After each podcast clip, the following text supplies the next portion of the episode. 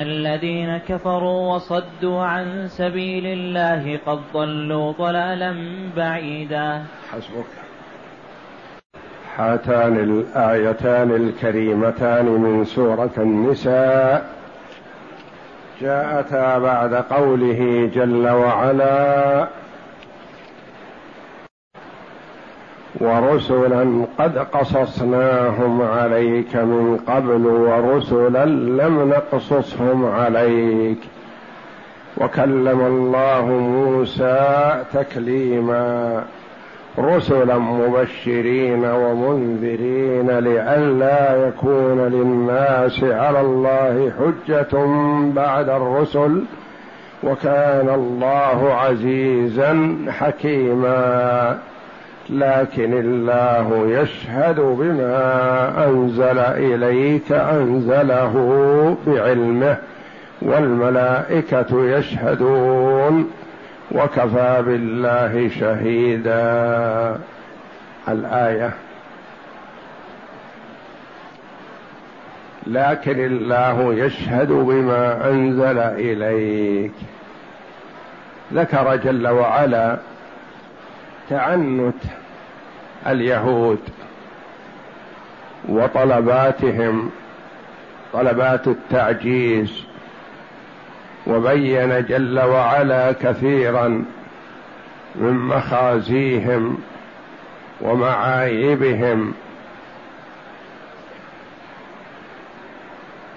ثم قال جل وعلا لكن الله يشهد بما أنزل إليك. لكن استدراك.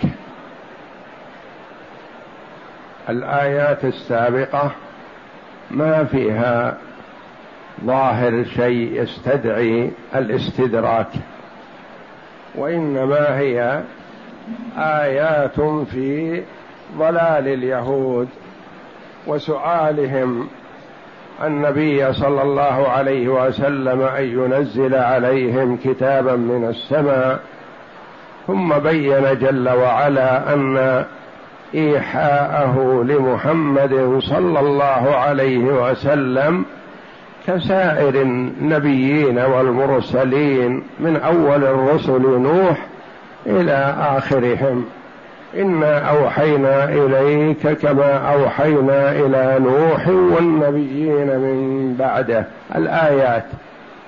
فهذا الاستدراك لما يبين هذا ما روي عن ابن عباس رضي الله عنهما أن جماعة من اليهود جاءوا إلى النبي صلى الله عليه وسلم فقال عليه الصلاة والسلام والله إني لأعلم أنكم تعلمون أني رسول الله.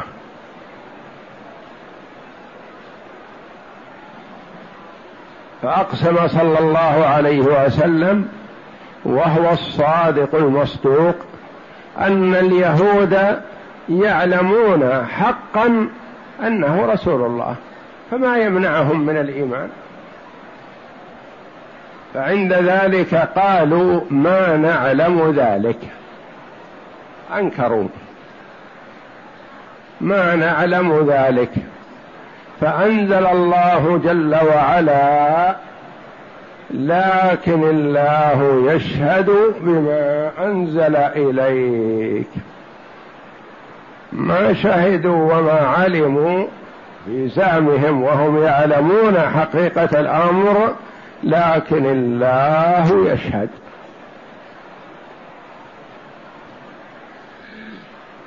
لكن على سبيل التخفيف رفع الاسم العظيم اسم الجلالة. لكن الله يشهد الله مبتدأ ويشهد خبر.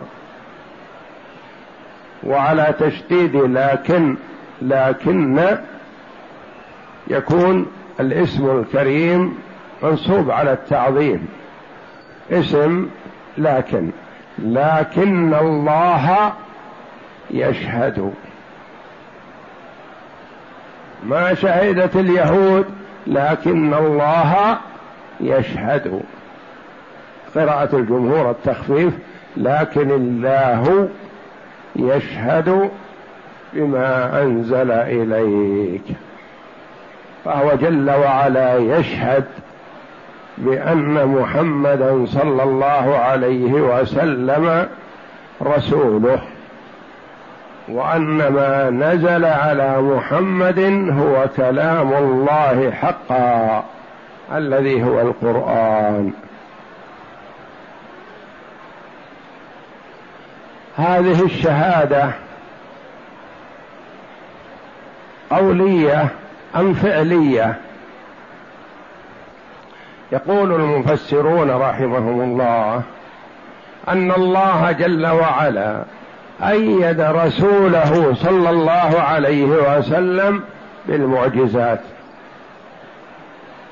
وأيده بالنصر. واستجاب جل وعلا دعاءه. فهذه الشهادة من الله جل وعلا بأن محمدا صلى الله عليه وسلم رسول الله. فالله جل وعلا لو لم يكن رسوله ما أيده بهذه الأمور. ومن أعظم المعجزات التي أيده بها هذا القرآن العظيم الذي لا يأتيه الباطل من بين يديه ولا من خلفه. ولو كان من عند غير الله لوجدوا فيه اختلافا كثيرا. أتى به محمد صلى الله عليه وسلم وهو لا يقرأ كتابا ولا يكتب بيده عليه الصلاة والسلام. فمثل هذا يأتي به مثل هذا الرجل هذه أكبر معجزة وأعظمها. وتحدى الله جل وعلا فصحاء العرب وبلغاءهم في أن يأتوا بمثله فما استطاعوا. أن يأتوا بعشر سور من مثله ما استطاعوا. أن يأتوا بسورة واحدة من مثله ما استطاعوا. ولو اجتمع من بأقطارها من الجن والإنس ما استطاعوا. قل لو إن اجتمعت الإنس والجن على أن يأتوا بمثل هذا القرآن لا يأتون بمثله. ولو كان بعضهم لبعض ظهيرا. فهذه شهادة عظيمة من الله جل وعلا بصدق رسوله صلى الله عليه وسلم. لكن الله يشهد بما أنزل إليك الذي هو القرآن. أنزله بعلمه. أنزله أنزل القرآن جل وعلا بعلمه. فالقرآن نازل من أعلى لأسفل. نزل من عند الله جل وعلا الذي هو مستو على عرشه فوق سماواته على محمد صلى الله عليه وسلم نزل به جبريل عليه السلام. أنزله بعلمه بعلمه أنه مشتمل على شيء من علم الله جل وعلا من علم الغيب. نزل على محمد صلى الله عليه وسلم بما اشتمل عليه من علم المغيبات التي لا يطلع عليها محمد ولا غيره إلا من الله جل وعلا. عالم الغيب فلا يظهر على غيبه أحدا إلا من ارتضى من رسول فإنه يسلك من بين يديه ومن خلفه رصدا. فهو جل وعلا هو عالم الغيب المتفرد بعلم الغيب. ما يعلم الغيب لا ملك مقرب ولا نبي مرسل.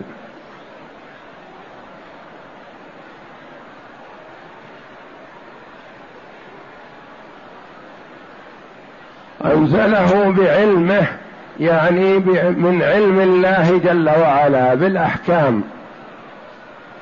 وأخبار السابقين. وأخبار ما سيأتي من المغيبات من أحوال يوم القيامة. مشتمل على شيء من علم الغيب. وليس مشتملا على علم الغيب كله. بل مشتمل على شيء من علم الغيب. نزل القرآن بشيء من علم الله تعالى. أنزله بعلمه. وقيل أنزله بعلمه أنزله لعلمه جل وعلا أن من أنزله عليه أهل. لتبليغ الرسالة وأهل للاصطفاء فهو يعلم جل وعلا حيث يجعل رسالته. أنزله بعلمه لعلمه جل وعلا أن محمدا صالح لتبليغ الرسالة. وأنه أمينه على وحيه جل وعلا. فرسول الله صلى الله عليه وسلم نزل عليه القرآن ليبلغه للأمة فبلغه للأمة كما نزل عليه. تقول عائشة رضي الله عنها لو كان النبي صلى الله عليه وسلم مخفيا شيئا من القرآن لأخفى قوله تعالى عبس وتولى أن جاءه الأعمى وما يدريك لعله يزكى. هذا عتاب من الله جل وعلا لرسوله صلى الله عليه وسلم. فكان إذا أقبل عليه عبد الله بن أم مكتوم الأعمى يقول مرحبا بمن عاتبني فيه ربي ويبسط له رداءه ليجلس عليه. فالنبي صلى الله عليه وسلم بلغ ما نزل عليه من ربه تبارك وتعالى. ما أخفى منه شيء. وهو عالم جل وعلا بحاله قبل أن ينزل عليه القرآن. أنزله بعلمه. أنكرت اليهود رسالتك يا محمد فالله يشهد بذلك. ويعلم أنك رسوله. والملائكة المقربون عند الله جل وعلا يشهدون بهذا. والملائكة يشهدون. خير خلق الله. والخلاف بين العلماء رحمهم الله في تفضيل الملائكة على صالح البشر أو تفضيل صالح البشر على الملائكة عليهم الصلاة والسلام. وهذا مبحث من مباحث العقائد التوحيد. هل الرسل والأنبياء وصالح البشر أفضل من الملائكة؟ أم الملائكة أفضل من صالح البشر؟ قولان للعلماء رحمهم الله. والملائكة يشهدون بهذا. فأنت يا محمد لست في حاجة إلى شهادة اليهود لك بالرسالة. لكن الله يشهد بما أنزل إليك أنزله بعلمه والملائكة يشهدون. وكفى بالله شهيدا. يكفيك شهادة ربك لك يكفيك. لست في حاجة إلى شهادة غيره لأن النصر منه والتأييد منه والرضا منه جل وعلا. فأنت لست في حاجة يكفيك شهادة ربك جل وعلا لك بالرسالة فهو الذي يؤيدك وينصرك ويستجيب دعاءك ويعلم حالك والملائكة يشهدون وكفى بالله شهيدا. ثم بين جل وعلا حال أولئك الذين أنكروا الشهادة وهم يعلمون حقيقة الأمر. وأنهم يصدون الناس عن دين الله. إن الذين كفروا وصدوا عن سبيل الله قد ضلوا ضلالا بعيدا. إن الذين كفروا من أهل الكتاب من اليهود والنصارى والمشركين وغيرهم ممن كفر بالله. وهم نوعان نوع كفروا بأنفسهم وما تعرضوا للناس ونوع وهم الأشد والأعظم والأكثر ضلال كفروا في أنفسهم واضلوا الناس وصدوا الناس في إنكارهم صفة محمد صلى الله عليه وسلم. يسألهم الناس والعامة والمشركون يقولون لهم هل تعرفون أن محمد رسول يقول لا. ما نعلم. أن محمدا رسول. ولا نعلم أن الله يرسل إلا من ولد هارون ولد داود فقط. وصفة محمد صلى الله عليه وسلم في كتابهم فهم صدوا الناس. ثم إن كفار قريش قبل أن يهاجر صلوات الله وسلامه عليه إلى المدينة لما أظهر دعوته في مكة كفار قريش يرجعون فيما يشكل عليهم من أمر الدين إلى أهل الكتاب لأنهم يعرفون أن اليهود أهل كتاب عندهم كتاب من الله وهم جهلة وعوام كفار قريش. فكانوا إذا أشكل عليهم شيء أرسلوا وفد يسألون اليهود عن الأمر. فلما دعا صلى الله عليه وسلم بدعوته أرسل كفار قريش إلى أهل المدينة إلى اليهود يسألونهم هل تعلمون أن صفة محمد صفة نبي وأنه يبعث؟ هذه صفته فأنكر اليهود.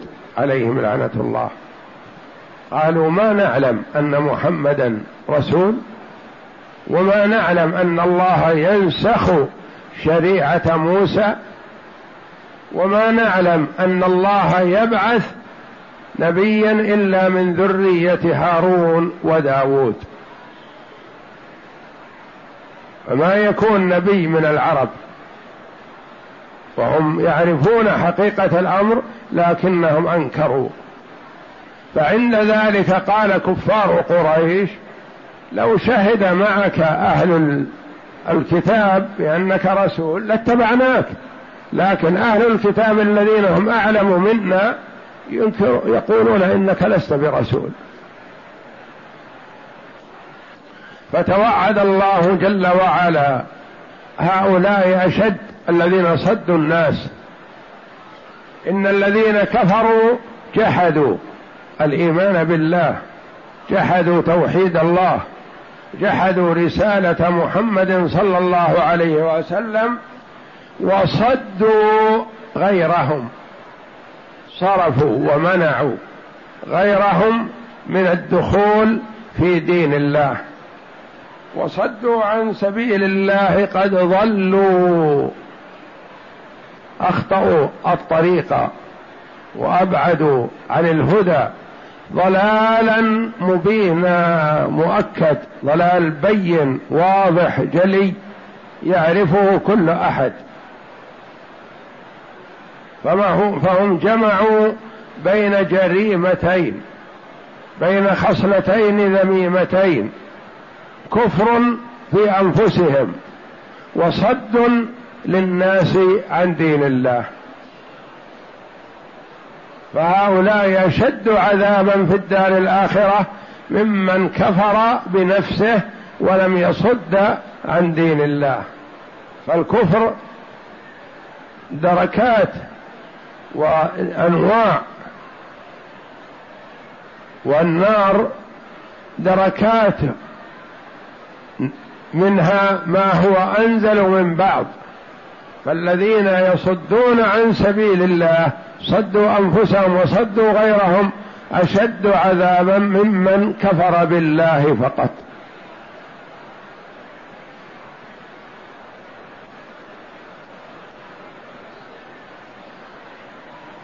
فهم جمعوا بين الضلال في أنفسهم وإضلال الآخرين.